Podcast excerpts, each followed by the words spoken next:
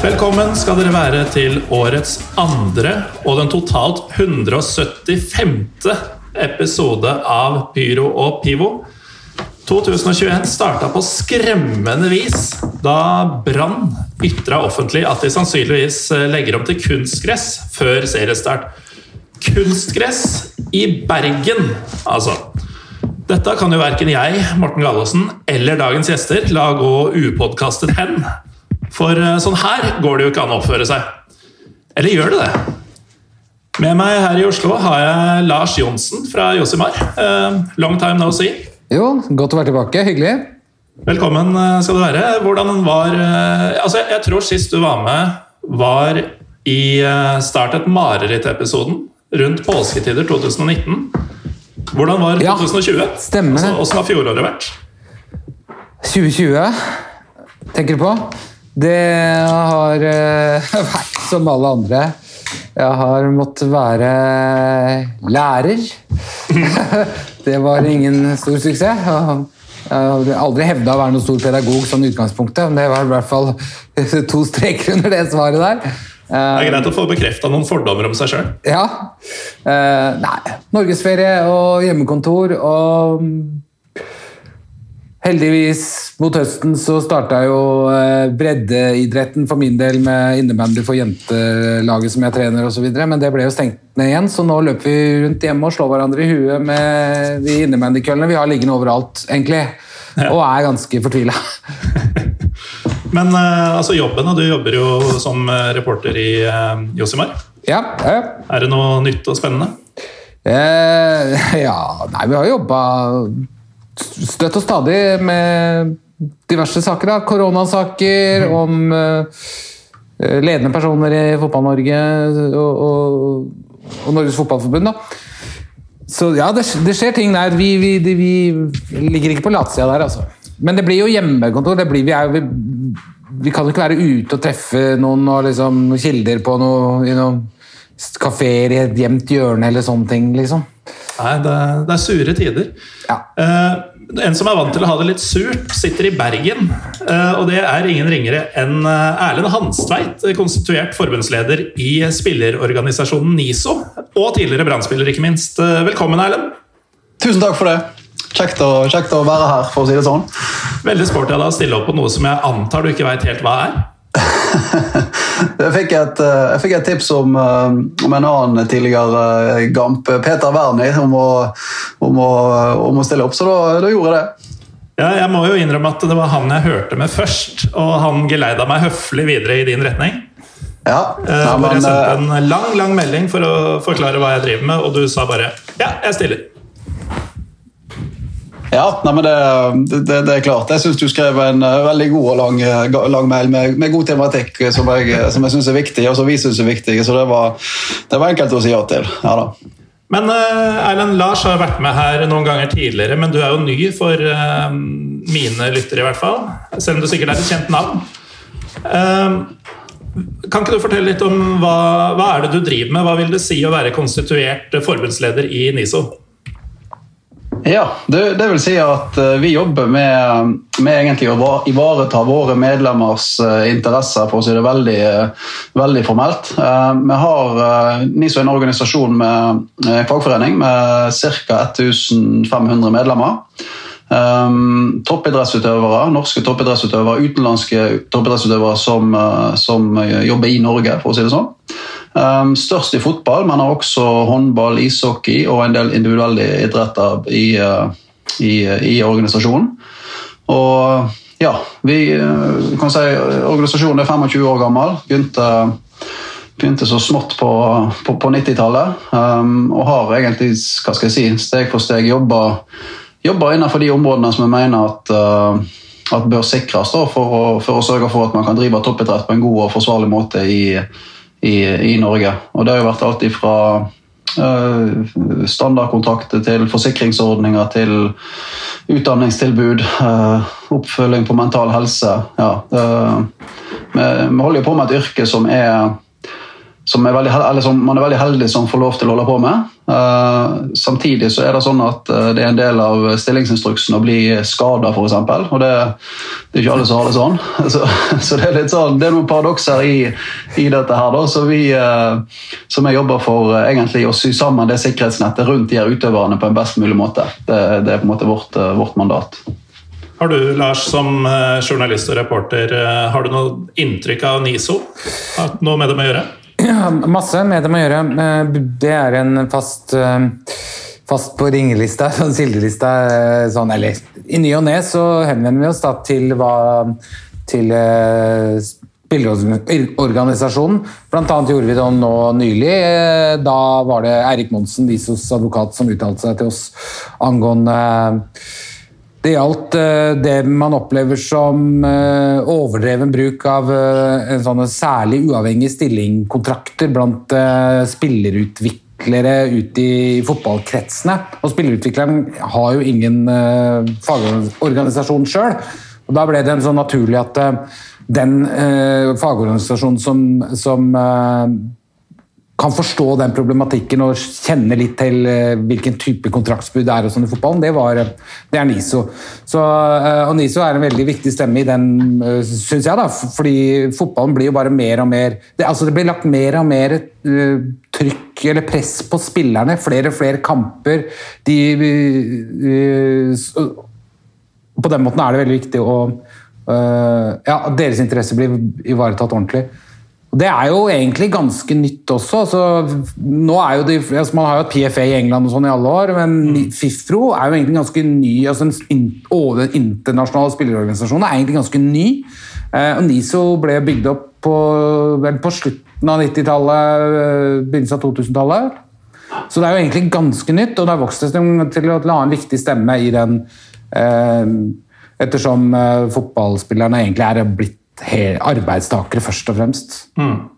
For det er jo litt sånn, Erlend, at eh, for veldig mange av de som hører på, for uh, sikkert både Lars og meg da vi var yngre, så er jo dette å være fotballspiller det er jo en drømmejobb. ikke sant? Det er det alle vil bli, og alle ser opp til og, og misunner folk som lever det livet. Men som du sier, det er jo en del uh, annerledes greier fra vanlig arbeidsliv. Det at du kan bli skada, det at du vet at karrieren din er veldig kort. Du, kanskje går du og tenker store deler av tiden på hva, hva skjer etterpå.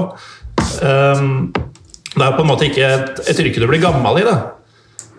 Uh, hvordan, eller Nå driver jo du med fotball fortsatt, men som spiller, mener jeg. Ja, nei da, men det, det, det, er riktig sånn som du sier. Jeg tror, uh, jeg tror vi kan si det sånn at man er, man, er, man er, veldig heldig som får lov til å drive på med toppidretten. Det er jo det alle, alle de som gjør det, ofte, har, har, drømt om. Og, og, men, men, samtidig som man har den tanken i hodet, så må man òg måte sørge for at når vi hva skal jeg si, kaster disse ungdommene ut i dette yrket her som det er blitt, uh, så må vi sørge for at, eh, at, at ordningene og forsikring altså Hvis det skulle gå galt, for å si det på den ene måten, om det er en skade eller om det er en type spillavhengighet eller rusavhengighet, hva det måtte være, medisinske eh, problemer, um, så må vi sørge for at på, på samme linje som i, i øvrig arbeidsliv, så, så, må vi ha på plass de samme ordningene innenfor, uh, innenfor toppidretten. Så, og ikke minst ja. også tenker, tenker jeg at uh, uh med de små marginene som norske klubber driver på, tross alt. Selv om eh, i sum kan høres ut som høye, høy, eh, mange millioner i omsetning, så er det ganske små marginer de driver på, og spillerne har ofte vært dem det har gått utover når eh, klubblederne ikke har greid å uh, sette opp ansvarlige budsjetter. og det er jo ikke vært uvanlig at man har tvunget spillere sånn til å ta lønnskutt. og Det tror jeg NISO har vært en ganske viktig stemme i å, å sette det på agendaen at det er faktisk ikke greit. Du skriver arbeidskontrakt med folk, den må du oppfylle. Uh, og så selvfølgelig er det litt sånn leeway inni, inni det, da.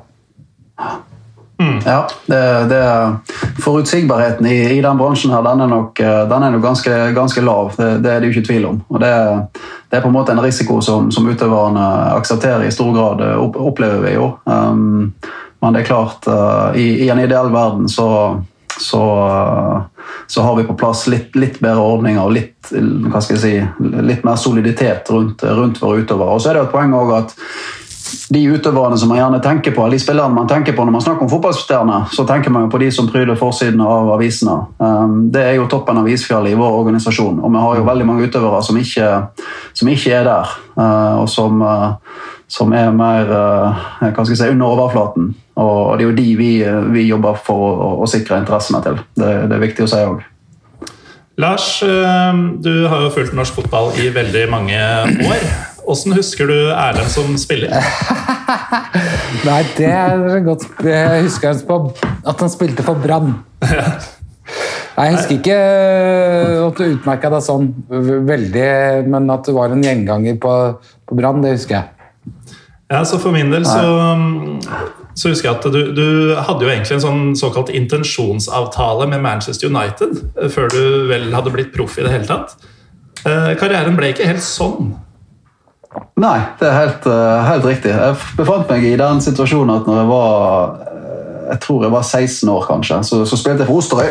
Uh, Osterøy idrettslag, veldig flott. Og, og Fotland var idrettslag som var henholdsvis femte og, og fjerde divisjon. Var, var grus, uh, grusspiller uh, i gode gamle dager da grusen var, var på plass. Um, og så sto jeg plutselig med valget mellom, mellom Brann og, og, Manchester United. Um, og det var en litt sånn absurd avgjørelse å ta. Uh, å ta steget helt til Brann det, det, var et veldig veldig stort steg som jeg ikke uh, på en måte trodde jeg var klar for. Uh, å ta steget til, til, England og til Manchester, det, var, det, det ble for, Jeg klarte ikke å ta stilling til det. Det ble, uh, det ble, et veldig veldig stort steg å ta. Så um, ja, jeg valgte på det, falt ned på det første der. og ja, så får historien eller historien får ufarlig svar på hva som, var, hva som, var, riktig, men der og da så tror jeg det var veldig riktig å ikke, ikke ta det kvantespranget. i alle fall. Jeg tror det. Men du, du fikk jo en proffkarriere ut, i utlandet også. og Jeg, jeg var inne på transfer, Transfermarkt eh, tidligere i dag og så at eh, du, du, var jo en tur i Du bytta klubb tre ganger. Eh, du dro til Belgia, du dro til Sverige og så tilbake til Brann. Eh, stemmer det at du aldri ble, ble, at du aldri ble betalt penger for? Ja, Nei, det stemmer ikke helt. fordi at, uh, jo, men i, i, de overgangene der så er det riktig. Men ja. når jeg når, den neste gangen, det er, vel, det vel Osterøy som har fått noen midler for meg. ja, ikke. Men jeg har jo altså, Litt som Lars, så Jeg husker at du spilte for Brann, og jeg var jo Jeg holder med Lillestrøm. Og har jo da sett deg i aksjon og sikkert skrike ting til deg flere ganger. Men den gangen du virkelig gjorde inntrykk, det var da jeg var i Belgia. Og så så deg spille hele kampen for Gent i 2010 mot uh, St. Troiden. En kamp dere tapte 1-0. Ja, der var du. Der var jeg. Uh, husker du den kampen sjøl? Borte? Februar 2010, hjemme i Gent. På gamle Jules Otten stadion. Ja. Nei, hjemmekampen, husker jeg den, da? Nei, den, Nei, da tror jeg du må hjelpe den var veldig lite minneverdig. Ja. Men jeg hadde jo vært på en liten uh, runde i Brussel kvelden før. Og dette var jo en veldig kald dag. Og det som skjedde, var jo at i løpet av kampen så var det et eller annet jeg hadde fått i meg dagen før, som begynte å gjøre seg ytterst gjeldende. Så det jeg tror, er at jeg ikke bare var matforgifta, men at jeg faktisk hadde E. coli. For jeg leste litt om hva, hva symptomene var, og sånn. Da kom det opp. da.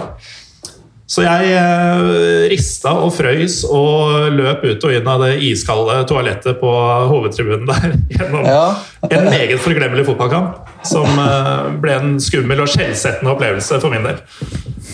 Fantastisk. Det er jo Da er du over middels interessert. Altså hvis, du, hvis du drar til Gent og ser Gent St. Trøden, det, det er ikke verst. Ja, nei, jeg har blitt beskyldt for å være det. Men uh, fin by, Gent. da. Du kunne valgt ja, flere steder å bo. Ja, veldig, veldig fin by. Veldig fint, eh, fint opphold. og ja, som du sier, det, det var ikke den plassen man reiser til sånn eh, på ferie uten videre, men ja, absolutt anbefaler. Veldig, trivdes veldig godt der nede. Og det er jo små avstander i Belgia, så hvis man er i Brussel, så er det en halvtimes tid med tog. Er man først i Gent, så er det en ytterligere en halvtime til Brygge. Så det er mye, mye flott å se på kort tid. Ja, veldig. veldig. Det, det var en, annen, eh, en, helt annen tetthet inne i det, i det langstrakte landet vårt. Det, det var, lengste bortekampen var vel eh, jeg vet ikke, to og en halv time å, å kjøre, kanskje. Ja. Og ikke gjennom vestlandske fjell? Ja, litt i tunneler. var, det sånn at, var du lenge nok i Belgia til at du lærte deg forskjellen på Gent og Genk? Ja, du, det, det, det, det, fikk jeg ganske tidlig beskjed om å ikke begynne å blande. Så det, var, det, er rett. Men du er, ikke, du er ikke den første. Og jeg har ofte fått spørsmål om det var Genk eller Gent jeg spilte for. Ja. Eh, jeg, svarer alltid alltid det laget som ligger høyest på tabellen. Så, ja. den, er, den er lur. Eh, men du holder tydeligvis tunga rett i munnen eh, der også. Vi må jo over til det vi egentlig skal snakke om, og det er jo denne plutselige underlagsdebatten som Brann på en måte har satt i gang. Uh, først som tidligere Brann-spiller, Erlend. Har du noen personlige tanker om det som er i ferd med å skje? Det utenkelige? Ja, du kan si Som, som tidligere spiller så er, det, så er det åpenbart at, at, da er det jo, det er jo gress vi har, med, med, man har spilt på, og det er jo det som har vært det underlaget man har, man har foretrukket. Um, det, det, det, er jo ikke tvil om. Og det, og, og det gresset er jo tett knytta. Det er klart det ligger mye følelser, det er mye symbol i, i den gressmatta som er, som er på en måte arbeids, uh, arbeidsplassen eller, eller den, det, det, området man går ut på annenhver søndag for liksom å, å, å, prestere sitt beste. Det er klart at det, at ligger følelser knytta til, til, det. det. gjør det jo. Um, og I tillegg så mener jeg at uh, at den fotballen som blir spilt på, på ei god gressbane, det er noe annet enn, uh, enn den fotballen som blir spilt på, på, på kunstgress.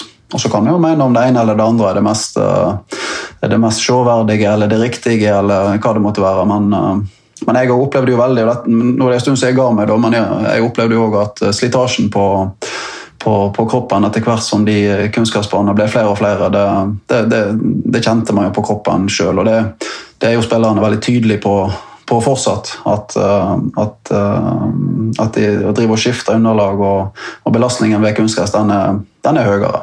Ja. ja, for du spilte jo i en periode hvor kunstgress virkelig begynte å komme. Det var fortsatt ganske eksotisk tidlig i din karriere, og så dukka de opp her og der eh, i årene som kom. Det ha kjentes ordentlig for, eh, for deg og din generasjon av fotballspillere? Ja, det traff jo oss. Det er jo klart Hvem skal si et underlag som er, som er lettere for eh, ja, lett, lettbeinte, mindre spillere. Eh, så det er klart for oss, oss tyngre, tyngre venstrebacker eller stopper, så er det et annet, et annet skue og et annet Hva skal jeg si en annen, en annen. Det er klart De, de, de banene som kom når, mens jeg spilte, det er klart at de var jo ikke helt på, den samme, på det samme nivået som kunstgressbanen er i dag, så, så, rett skal være rett. Um, men um, ja, det, det, er klart at det det, det rokker med, med, med, med, Hva skal jeg si Fotballen for, for, for, min del. Det, gjør det jo. Lars, du eh, har jo et litt mer eh, Hva skal jeg si Ja, profesjonelt syn på dette. Nei, det har du heller ikke. Men eh, du, du, har kanskje sett litt mer på, på, tall og sånne ting. Hvorfor føyer Brann seg inn i en uh, rekke av klubber som som ser på kunstgress som, som måten å gå framover på. Nå, nå, er ikke jeg noe ekspert akkurat på den branndiskusjonen, men hvis jeg har forstått det rett, så handler det litt om sånn treningsforhold. At kommunen ikke kan ha tilrettelagt for en god nok gressbane som de kan trene på, som er altså samme underlag som de er inne på stadion. Og veien til å løse det på en måte blir å eh, legge kunstgress på stadion, sånn at de har perfekte, eller like kamp- og treningsforhold. Da. Eh, så er det sikkert mye mer i det i, i, når det gjelder Brann Men det er jo et diskusjon om kunstgress. Det er egentlig sånn hvor, hvor, skal du begynne? For det er så mange fasetter her. Det er topp og bredde, det er lengde på sesongen, det er eh, følelser om, eh, om, hva fotball skal være og, og, og, hva det skal representere. Og det er pengeøkonomi i det også. Eh, jeg husker jo da kunstgress, kan man si, revolusjonen begynte å komme sånn til tidlig 2000-tallet, så var det jo eh, Det ble sagt liksom at det var Det lønte seg. Eh, og Det var et sånt veldig viktig argument. Og det, er, det handler egentlig bare om hvordan man setter opp regnestykket. Da. For at uh, hvis du, vi, jeg husker Min klubb er jo, favorittlag er jo Bærum sportsklubb, og vi fikk jo eh, kunstgressbane i høsten 2003, så vi spilte fra 2004 på kunstgress på Kadettangen i Sandvika. Og det ble, og, det og nå skal jeg innom et annet poeng også, det er at For mange breddeklubber da, så har det vært en veldig viktig sånn, et samlingspunkt for at mange klubber har måttet reise rundt og leite etter treningsforhold og kampsteder osv. I, i kommunen. Som har, dette har gitt muligheten til å liksom beholde aktiviteten på et sted, som har gjort at man har rusta opp klubbhuset, sånn at man faktisk har en sterkere tilhørighet i klubben. Det har vært en veldig viktig tror jeg, for mange klubber. Øh, med, ved, eller et, et, en konsekvens da, av å legge kunstgress. Men da Bærum fikk det i 2003, så var det som at du kunne legge i ti år og greier. Og da, da klubben rykka opp fra andredivisjon i 2000, og, eller vant sin andredivisjonsavdeling i 2011, så skulle de spille i Adecco-ligaen, som det het den gangen, i 2012. Da var det kunstgresset for dårlig. Det var, nær, det var helt nedslitt. Mm. Da måtte man legge nytt. Uh, og den derre ti år, som man ble snakka om eh, at det, som, som, hva skal man si, det varer i ti år. da. Det er jo blitt kutta ned til fem år, kanskje. Så du må jo legge, du må jo bytte ut dette kunstgresset ganske ofte. Og det er jo store, Hvis du skal bygge en bane fra scratch, så må det jo det skal jo sprenges og det skal lages underlag osv. Det har en viss, koster en viss sum. Så koster det en viss sum å eh, legge underlag, om det er kunstgress eller gress. Naturgress, altså Det er gress. Det er gress.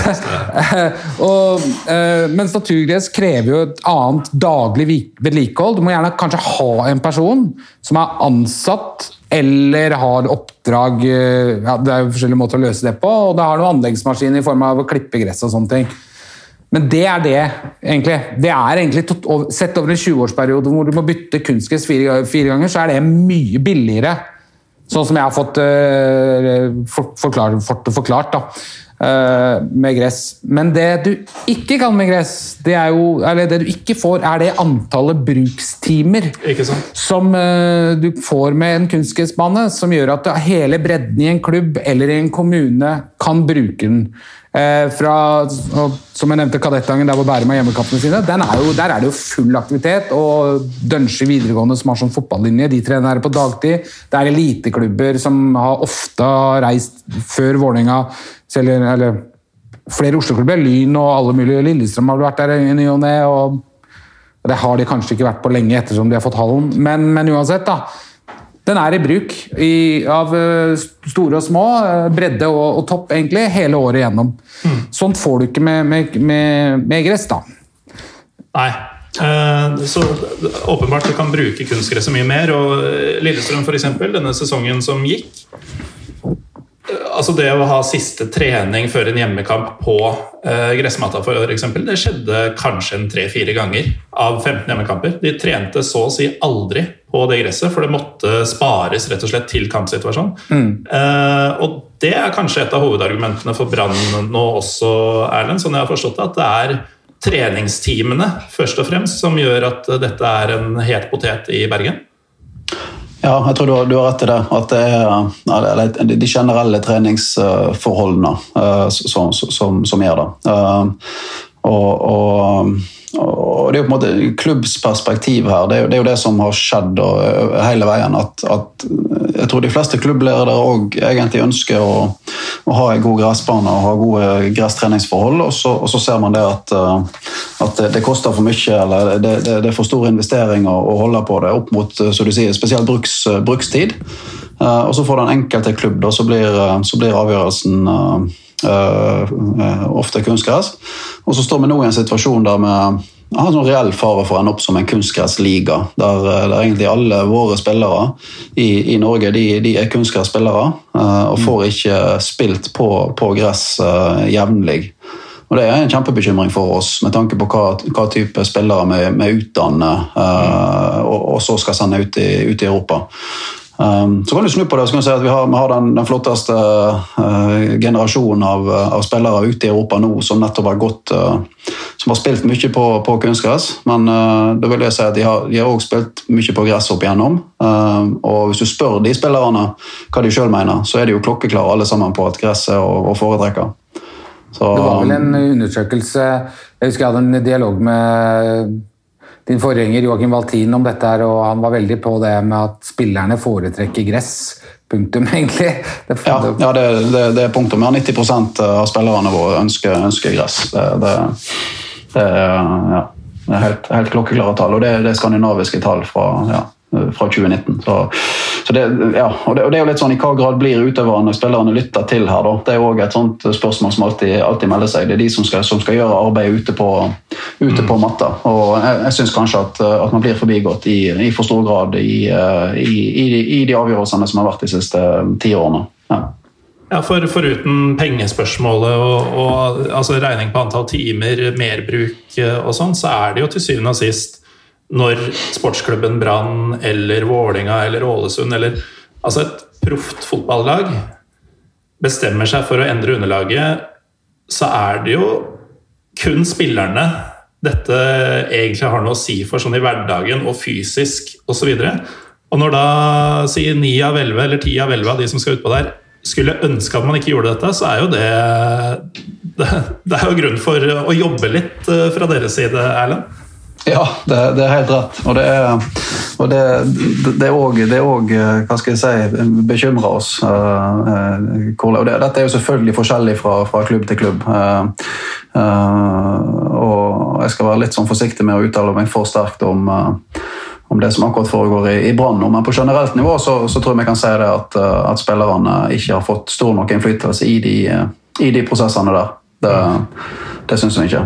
Ja. Men, det, men, det, er jo et, et stort sånt eh, holdt jeg på å si, store spørsmål, eller eh, bildet er ganske Lerretet har mange farger, hvordan man skal si det. fordi eh, Det handler jo om også klubbenes drift og finansieringsmodellen ikke sant, i norsk idrett. Det er jo De fleste baner, for eksempel, hvis du tenker litt bredde, men også veldig mye topp, er jo finansiert av offentligheten, av spillemidler f.eks. Og da handler det om, hva, om å makse brukstida da, i, i, i det første, men, men, for det første. Men sånn som når en, om en kommune ønsker å bidra til sitt lokale elitelag med ny stadion eh, f.eks., så kan de ikke gjøre det i, i, utgangspunktet fordi det er konkurransevridende i henhold til sånn EØS-reglement. Altså Oslo kommune kan ikke bare bygge en stadion til Vålerenga som de skal disponere fritt, med en naturgressbane som er i bruk to timer eh, på 14 dager. Det, derimot, det man kan gjøre altså Det vil være konkurransevridende vis-à-vis andre norske kommuner, men også i hele Europa. Er, da vil Oslo ha gitt Vålerenga en fordel som f.eks. Trondheim ikke gikk til Brann, eller Stockholm ikke gikk til AIK, f.eks. Eh, så, så, så, så, måten man kan løse det på, er jo å legge kunstgress slik at banen komme, er en allmennhetens gode. Og da, man, eh, da kan man løse sånne Da kan man faktisk bygge stadion eh, og være behjelpelig med det. Og, så han handler også litt om den driften vi har hatt i norsk fotball de siste skal vi si, Siden profesjonaliseringa slo inn i rundt årtusenskiftet, når Nils Skutle, som var Eh, administrerende direktør i Rosenborg og liksom litt sånn sjefsideolog i norsk toppfotball, snakka om at Eliteserien i Norge skulle bli Champions League Light, og det var eh, stor med sånne sponsorpooler, VIP-losjer Det skulle jo omsettes for eh, Rosenborg alene skulle jo omsette for 600 millioner, altså tre ganger så mye. Uh, og det er bare tall! Mm. Sa, sa Skutle. Uh, og det skulle bli vanlig for norske klubber å omsette på det nivået som Rosenborg var på. Uh, og det med å ha stadioner som, som, på en måte skulle være en innramming av det produktet, ble jo en del av den tankegangen. Så har det jo vist seg at det ikke har vært bærekraftig. Uh, Altså Man har jo eh, forskningsartikler jeg har sett på, som, eh, som jeg har sett eh, fra noen år tilbake, konkluderte med at Norge etter, jeg lurer på om det var etter England og Spania etter England og Spania så var nordmenn det mest betalingsvillige folkeslaget i Europa for å se fotball. Og vi tippa altså 10 000 tilskuere, eller antall solgte billetter, i Eliteserien i 2007. Det er et helt så sånn, i snitt per kamp? I snitt per kamp. Det er egentlig et helt vanvittig tall. Mm. Eh, og, og, vi, og, ble, og, TV 2 kjøpte norske fotballrettigheter for en milliard kroner og sånn. Men likevel, selv om, liksom, hvor, selv om vi på en måte nærma oss et sånt tak, da, hvis du tenker på antall 10 000 tilskuere i snitt per kamp i Norge Men man skulle likevel vokse. Men hvordan skal man vokse? Altså Hvis du ser på Ålesund, eksempel, så har du jo Altså Hvis du tar bort eldre og uføre og små barn og folk som til enhver tid ikke er til stede i byen, så ender de opp med hver eneste funksjonsfriske innbygger i byen på en gitt søndag til stede. Men likevel så skulle man vokse, da. Eh, og driften ble jo lagt opp eh, etter det. Og det har jo f.eks. Start. Eh, det har jo bitt Start i halen. Kommunen måtte inn og redde den klubben. Og forutsetning for sånne redningsaksjoner det er at man legger om til kunstgress, sånn at kommunen eh, kan eh, kjøpe eller kjøpe timer. Jeg vet ikke om de gjorde det i Starts tilfelle, men det ble i hvert fall løsningen i Vikings tilfelle. Ja. At kommunen kjøpte 50 treningstimer i uka av Viking, og sånn sett betaler da kommunen for driften av, kommunen, av stadion. Mm. Det kunne man ikke ha gjort. Man kunne ikke bare sprøyta inn en tilsvarende sum i, i uka uten å få noe tilbake. Så det handler, det handler, om litt sånne ting, at, at fotballederne i Norge ikke har, eh, har eh, hva skal man si, beholdt gangsynet i i den verste perioden. Det spiller også litt inn her hvor, hvor raskt den omlegginga gikk. Eh, spesielt på sånne steder hvor, som, som, Stavanger og Kristiansand, og, og samme i Fredrikstad, hvor det har vært strøkne gressmatter. Eh, det er jo til å grine av å se at Sør Arena, Sør Arena eller Viking stadion for den saks skyld ble lagt om til, eh, til uh, kunstgress. Mm. Ja. Det, det... Og bruksstil Ja, unnskyld. Nei, kjør på. Nei, så, og, og brukstid er jo på en måte et argument som jeg, som jeg, som jeg alltid har sagt at i, i breddeidretten så, så, så, kjøper vi den. Uh, det er på en måte det, det kunstgressløftet som har vært for å få, for, for breddeklubber og bredde, breddebane på plass. Det, det, den den syns vi er grei. I Nord-Norge, uh, at topp, toppklubbene i, i Nord-Norge, Tromsø og Bodø-Glimt, ikke har noe reelt alternativ, det, det kjøper vi òg. Men uh, og noe vi ikke har snakket om, er jo òg miljøperspektivet i, i, i dette her. Uh, og hvis vi snakker om bærekraft og, og uh, På den ene sida skal på en måte kommunene støtte brukstid, men samtidig skal, man ikke støtte det bærekraftige alternativet. Og det, det er et paradoks som jeg syns er veldig, veldig merkelig. At vi virker å være den eneste bransjen der der det er det kunstige alternativet som blir subsidiert, uh, mens det naturlige, det fremtidsrettede alternativet, det, det, det, det, er for dyrt, og, og, man får ikke støtte nok til det. Mm. Det er noe som vi må bare endre på. Vi er nødt til å få på plass gode ordninger for, for, for, det, naturlige, for det naturlige alternativet. Det, er ikke tvil om. Hvor begynner man jobben for, for å endre det? Veldig godt, veldig godt spørsmål. Um, jeg tenker jo og Ståle Solbakken var ute her og, og, og lanserte at, at, at, den nye TV-avtalen som er kommet, at, at, vi kanskje bør se på det.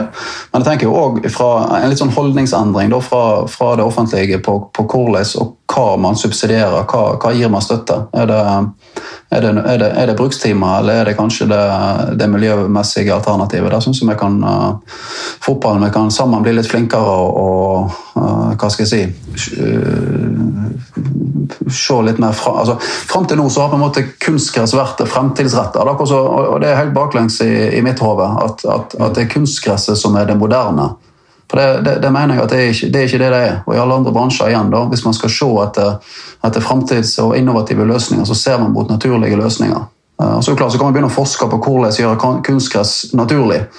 Men det er jo Det svaret har vi jo, og det har vi hatt i en million år. Det heter gress. Eh, så, jeg mener at vi trenger ikke gjøre det vanskeligere enn det det er, eh, heller. Og, og, ja. så, så, den holdningsendringen der, den håper jeg kommer, den jobber vi for at kommer. Og, og, ja. og at vind snur på det området her, det, det, ja. det, det virker litt på meg at man har kjøpt kunstgressalternativ Litt sånn minste motstands vei.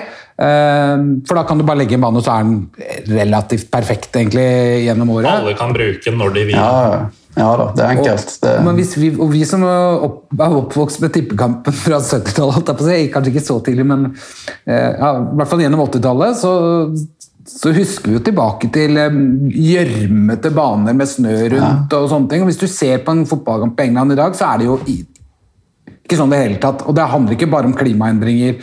Det handler altså om altså, kunnskapen om gress. og Du ser jo hvordan, sånn som Nadderud har vært, Ullevål har vært, flere andre baner holder jo skyhøy kvalitet fordi man har peiling på, på gress. Det er jo et fag. Det er jo sånn greenkeeper og Eh, så der har jo også på en måte teknologien og kunnskapen skutt i været.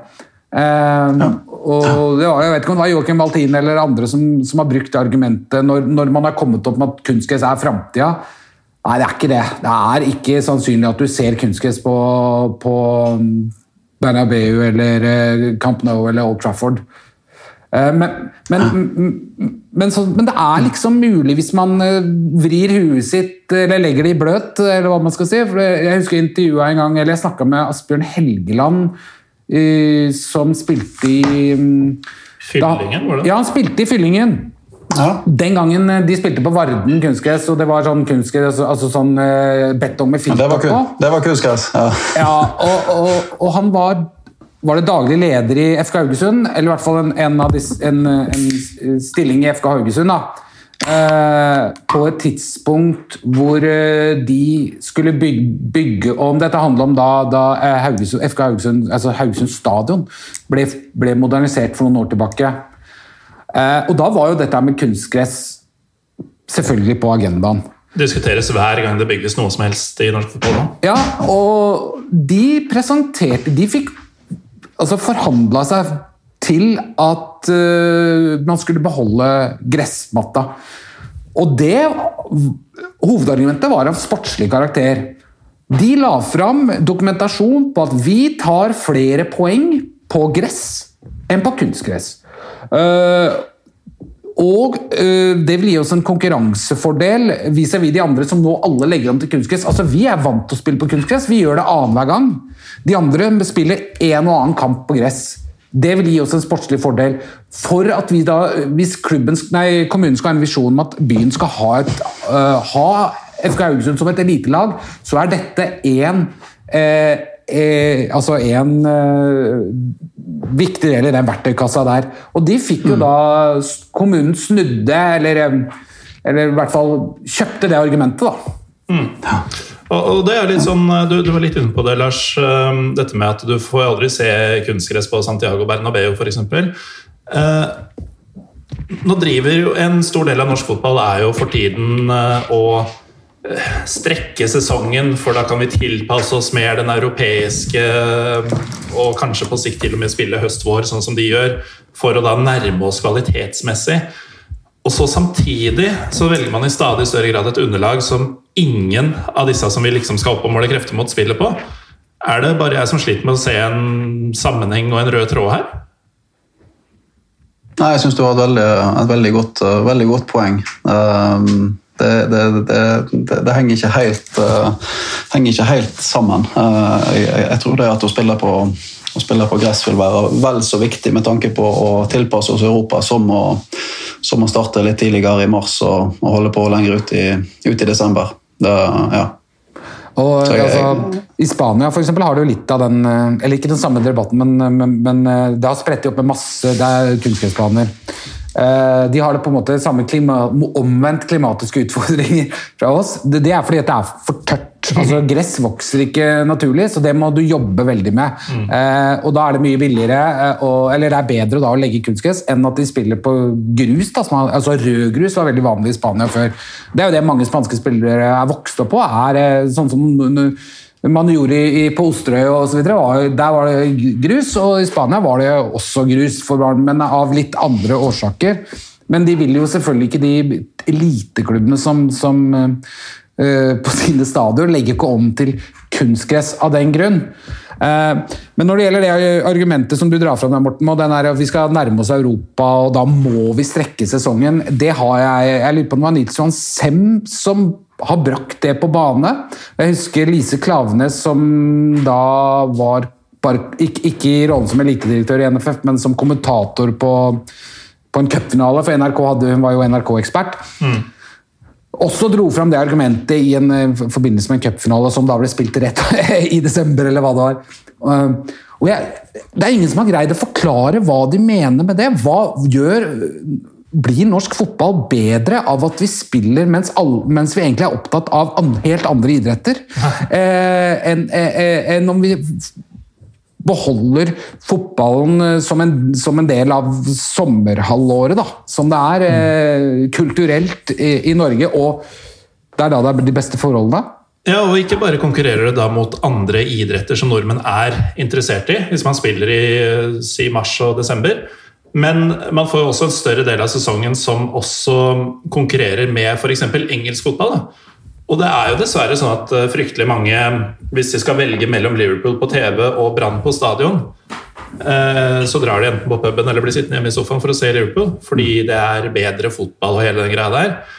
Um, men når man har sommersesongen gående, så har man norsk fotball som omtrent ditt eneste alternativ. Mm. Liker du fotball da, så er terskelen antagelig lavere da, for å komme deg på en kamp og gi dette en sjanse. Mm. Uh, jeg tror det har med å gjøre. Ja, jeg, jeg, er helt, jeg, er helt, enig. Jeg tror Det eneste poenget jeg, jeg tenker med, med, Nils Johan og Lise har der, det er jo, det er jo hva grad man skal synkronisere skal, altså de lagene våre som skal ut i Europa. I, i hvilken grad får de god matchtrening utover, utover høsten, eller senhøsten, sånn at de, sånn som når Molde nå skal ut, i, ut igjen i, i, i, og spille i Europa over, over nyåret, så, så, vil jeg tenke at det har en nytte for de å ha spilt kamper uh, senest mulig. Uh, og så har vi den landslags, landslagsrunden uh, i mars som, som, som, man har tenkt å argumentert med, eller forsøkt å argumentere med at at da bør eh, Eliteserien være i gang før den runden der. Men, men eh, sånn som jeg ser det òg, så er ikke det eh, helt Jeg mener det er ikke helt holdbare argument opp mot det å ha samme underlag som resten av Europa har. Jeg mener Det, det er viktigere i den sammenhengen der enn, enn, enn akkurat i ja, mm. det at sesongen går lenger. ja. For meg mangler det nesten, viser det litt så, nesten litt sånn mangel på den eh, rollen norsk fotball har i, som kulturfenomen og som aktivitet. Da. At eh, Når høsten kommer, eh, så trekker vi inn i idrettshaller eh, til de, de, våre diverse favoritt annen aktivitet nummer to på publikums- eller utøversida. Eller eh, det er de klassiske ski- eller snø- og, og isidrettene som vi følger.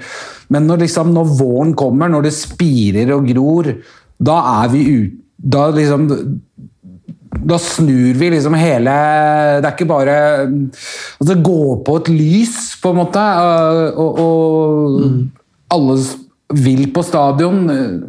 Det er liksom det eneste alternativet. Alle vil ut og spille. Det er liksom et sommer Det er så uløselig knytta til den norske sommeren. Eh, og da er man, som Morten er inne på uten konkurranse. Uten konkurranse fra andre aktiviteter, eh, altså andre idretter eh, som publikum så utøver eh, både som publikumsidrett og som utøveridrett her hjemme, men også som underholdningsprodukt vis-à-vis -vis andre. Og jeg syns jo det er noe som er helt fantastisk og viktig å ta vare på. at det er en sånn viktig del av det norske kulturlandskapet enn at vi skal stå ute i begynnelsen av mars eller ha cupfinale i i, når det er blitt advent. Ja. Nei, men eh, altså, Hvis vi går uh, tilbake til uh, kun uh, underlaget her, da, så har du jo nå Du var litt inne på det med Haugesund, Lars. at de bruker det som et argument nå for at nå er det vi som er disse ære, som får den spesielle hjemmebanefordelen. Tidligere så var det jo sånn at å shit, nå må vi til Bodø for å spille på kunstgress. Mm. Det er det bare de som veit åssen man gjør. Mm. Men nå er det jo altså sånn at Haugesund, Rosenborg, Stabæk, LSK og inntil videre Brann det er de eneste eliteserieklubbene som spiller på gress nå. Mm. Um, hvordan ser vi for oss framtida for disse her? Altså, Brann er jo selvfølgelig en slags fare. Stabæk er ikke de som bestemmer selv, uh, så lenge de leier dette kommunale anlegget som uh, ser ut som ja. Men de kommer til å ja, men, De jo fått, skal jo få ny stadion av kommunen, men da er det jo selvfølgelig med kunstgress. Ja, ikke sant. Hvis så, det går gjennom, da. Så det er jo altså, Allerede så snakker vi om at to av disse fem står for fall. Haugesund har. Eh, lefla med kunstgress en stund, holder seg på gresset enn så lenge. Men kommer vi til å ende i en liga Erlend, hvor, eh, hvor det er LSK og Rosenborg som står tilbake som sånn De derre sta idiotene som nekter å gi seg? i så fall nydelige, nydelige, idioter, eller hva er uttrykket? ja. Men altså, altså, For å ta argumentet, og det argumentet der har jo spilt ganske kraftig de siste, de siste årene, at, at hjemmebanefordelen vil, vil, snu til, til gresslagene sin fordel. Um, og Så har det dessverre ikke vist seg at, at det har helt slått til uh, endog, uh, i alle fall. Um, ja, det er fordi disse lagene stort sett er ræva? ja, det er jo forskjellige, forskjellige, svar på det. og det er sikkert ikke helt uh, Man har ikke holdt på lenge nok til at man kan, kan ha si, forskningsmessig belegg for, for, å si det. Men uh, jeg er helt enig med deg. det er vanskelig å se for seg at hvis man ender opp med to, to gresslag, at ikke de to lagene skal ha en uh, betydelig større hjemmebanefordel enn en kunstgresslagene. Jeg, jeg kan ikke forstå noe annet. Men kommer de til å stå imot uh, hvis, det, hvis, det, blir Rosenborg og Lillestrøm til slutt? Lars, kommer de til å bite i det sure eplet, eller? Uh, jeg, har lyst til å si nei.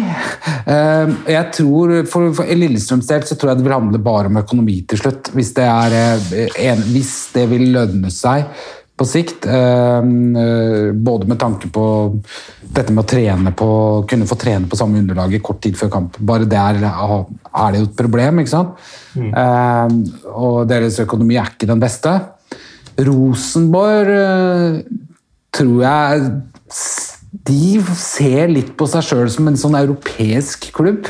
Um, så de vil jo være det siste som går, i så fall. Men det som jeg mm. Som du, som Erle, du var inne på i stad, litt med, med, med, miljøperspektivet. Eh, jeg tror det en dag snur, altså. Mm. For at, at, eh, at, vi spesielt med tanke på, på Jeg veit ikke om det, det, det skjer jo ting med hybridgress. Jeg snakka med Odd for ikke så lenge siden, eller i våres en gang. Da hadde de et seminar om eh, framtidas underlag osv. Det skjer Det er ønske om egentlig at vi skal uh, at det ikke skal være kunstgress som skal være hovedunderlaget. Det, det, skjer en liten endring der, og så skjer det mye på teknologi og fronten også, så det kan godt hende at uh, dette blir litt sånn pisse i buksa for å holde seg varm-løsning, egentlig, da. Men dette med miljøet er interessant, fordi um, jeg så jo da um, på Twitter spesielt, så fikk, det var sånn jeg fikk med meg at det var snakk om kunstgress i Bergen. Uh, og da var det en fyr som kalte seg uh, Han brukte da nikket Eh, resirkulering, eller noe sånt.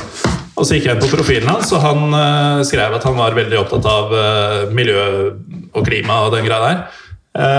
Og han stilte spørsmålet hva er så gærent med kunstgress egentlig? Og jeg lurte litt på om jeg kunne ta den på alvor, fordi vi snakker da om et helnaturlig alternativ og et som er lagd av plast. Mm. Som du eh, heller masse gummikuler utover, som blir med rundt omkring og legger seg i uh, Vas Vaskemaskiner til alle norske hjem. Ja, du må bytte vaskemaskin dobbelt så ofte fordi at det ligger gummigranulatkuler overalt. Så jeg vil bare, Siden han stilte det spørsmålet med den bakgrunnen, så vil jeg bare er, er det, Vi er 100% sikre på at gress er langt bedre bedre for miljøet, Ja, jeg, jeg, jeg, tror vi er ganske sikre på det. Altså. Men det er viktig å stille alle spørsmål. Jeg er helt, jeg er helt enig. Um, jeg syns TV 2 har hatt en veldig god uh, serie som går på kunstgress, altså håndteringen av, av dette. Hvor, hvor, hvor, blir disse, hvor, blir disse, mattene av? Hvor havner gummien henne?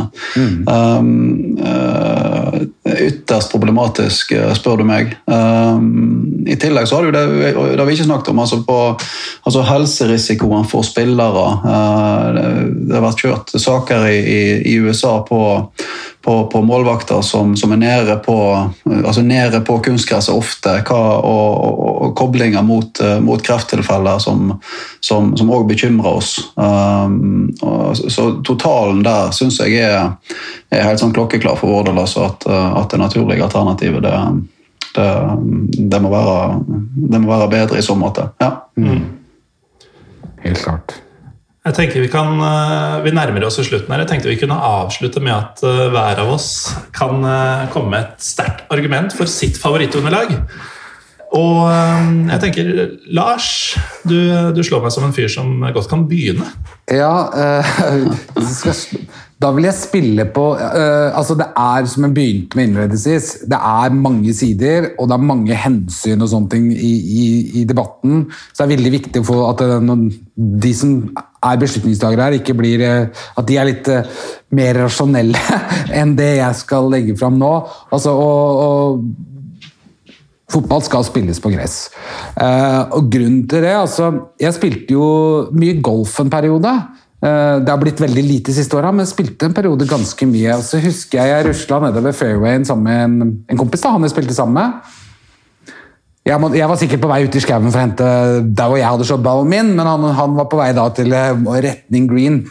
Og så, så, så, så bare gikk vi nedover, så, så sa jeg Faen, jeg elsker den lukta.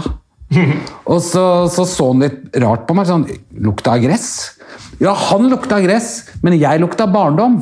For jeg vokste opp uh, ved å se på faren min spille fotball. Det var min uh, hovedgeskjeft som, uh, i, i, barndommen. Han spilte på flere lag, og altså, det var gjennom hele året. Inne og ute. Og, og, når sommeren kom, så var det jo da Det var jo selvfølgelig mye grus, men det, ikke, det husker jeg jo ikke. Men det jeg husker, er den der du sitter på stidelinja en sommerdag. Eh, sommerkveld, og det spilles fotball rett for ansiktet på deg. Du kjenner gruslukta. Så, og, så det er liksom det, det Av den grunn så skal vi ha gress. Og så skal jeg skyte inn der at når, Selv om jeg sa, snakker om liksom det positive eh, Sånn som Bærum, som har fått, uh, fått et bedre miljø rundt sin, sin, aktivitet ved at man har kunstgress som kan være samla på et sted. Før så reiste de hele kommunen rundt mm. for, å, for, å, spille fotball. Spilte på Nadderud A-laget, mens alle andre måtte spille der det var ledige baner. Og når jeg da står på kamper der, så står jeg jo nederst ved gjerdet og henger. Og så står du jo i, før kampen står du med varmer opp med crossballer fra, på tvers. Og det er jo ikke alltid man greier å dempe den ballen, så noen miss, misser man jo, og så ruller jo den ballen bort til der hvor jeg står. Og den ballen er jo helt svart av gummi. Den er jo så møkkete. Jo, og så ser du ned på den, ikke bare er ballen møkkete, men så kjenner du den lukta som Den er ikke der. Det lukter kattepiss istedenfor. Så jeg slår et slag for gress. Det er overraskende nok. Eh, det er jo det er vanskelig for meg å følge det der. Eh, men altså For meg så er det er så enkelt som at eh, kunstgress er en nymotens greie. Det er en teknologisk ting som du må investere mye penger i for å få på plass og sånn. Mens alt annet, og da inkluderer jeg grus, men da spesielt gress, asfalt også for den saks skyld, det kan hvem som helst spille fotball på, så lenge de har en ball og et eller annet klesplagg eller noe sånt å sette opp som målstenger. Du kan spille fotball absolutt hvor som helst, uh, uansett hvem du er. Det gjelder ikke for kunstgress i store deler av verden. Og, og, det er et argument i seg selv for at kunstgress egentlig ikke hører til i, i fotballen. Alt, er, alt det andre er naturlig. Kunstgress er noe som blir satt opp og er oppfunnet Mm. Uh, fordi folk helt oppe i nord eksempel, skal kunne spille fotball når de vil. Uh, og det er rett og slett ikke bra nok. Og så syns jeg også gress lukter uh, fotball. Um, Erlend, du, er, er, det grusen på Osterøy du skal slå et slag for, eller? Ja, jeg var veldig glad i grusen på Osterøy, det skal jeg ikke, skal ikke si noe for. Det verste er, og det, det, sier ikke jeg så, men det er at jeg tror at den, den type altså at, at det gjorde man til en, til en, bedre fotballspiller på enkelte områder. altså det å, det å, å håndter, Håndterer du ei humpete grusbane, så håndterer du Det er veldig enkelt å spille på kunstgress. Altså, du altså, omtalte deg sjøl som en litt uh, stor uh, forsvarsspiller tidligere. Uh, det er vel ikke noe bedre underlag å bli det på enn kunstgress? Altså, du blir ikke en soft spiller av det? Nei, nei, Hva mente du nå? At hvis du Nei, altså Ved å spille på grus. Det, det herder jo en fotballspiller. Ja, ja, ja det herder. Det er helt, det er helt, helt klart. Og, og, det at, uh, og at det, det, er vanskeligere. Det krever mer, selvfølgelig. Jo dårligere underlag, jo mer krever det. Og det kan jo man jo snu på. Det ble alltid brukt som et argument husker jeg, med de brasilianske spillerne som spilte på, på, på, på, på stranda. Det var alltid liksom hemmeligheten for at hun ble så god. Uh, Mm. Kanskje, kanskje altså, Det er veldig enkelt å spille på. Å, å ta et mottak på kunstgress det kan alle gjøre. Det er den enkleste ting i verden. Slå en pasning på kunstgress det kan alle gjøre. den enkleste ting i verden. Det, det er ikke alle som kan gjøre det på en humpete gressbane. Men det er et lite sidespor. Jeg tror, jeg tror mine argument, eller sånn Avslutningsvis så må det være det at At, og, og, da tar jeg på meg, det er på en måte uh, De som utøver den idretten, her, de er klokkeklare på at det er gress de ønsker. og Det, det, det bør være et argument som skal, holde, som skal, holde, ganske langt. De sier at skaderisikoen øker ved å, å drive og veksle på, på underlag, og de, og de, ønsker å spille på gress. og Det, og det stemmer som jeg mener at vi skal, vi skal ta, på, ta, på, alvor. Det er vanskelig å være uenig i det, Lars? Ja, det, det går ikke an, det. Nei, det går faktisk ikke an. Så Erlend vant dette, til tross for at du hadde et utrolig godt innlegg på, på dette sjøl. Men eh, det viser seg da overraskende nok at alle tre er enige om at det er gress som er uh, fotballens hjem. Ja, det er det. Ja. Um, da gjenstår det egentlig bare for meg å takke deg, Erlend Hanseit, og deg, Lars Johnsen, for at dere var med i dag. Jo, takk for meg. For, for å ha vært med. Og så vil jeg gjerne takke deg som hører på. Jeg vil takke deg som stemmer mot kunstgress på dette oppropet som Brannfansen har sirkulerende rundt på sosiale medier nå. Ehm, de hadde før innspilling i dag ca. 700 underskrifter, og det er jo et fint tall, men det burde jo være 7000 eller 70 000. Og takk til deg som følger oss på ehm, Twitter og Instagram, der vi heter Pyro Pivopod begge steder. Jeg heter Morten Gallesen, og vi høres igjen neste uke.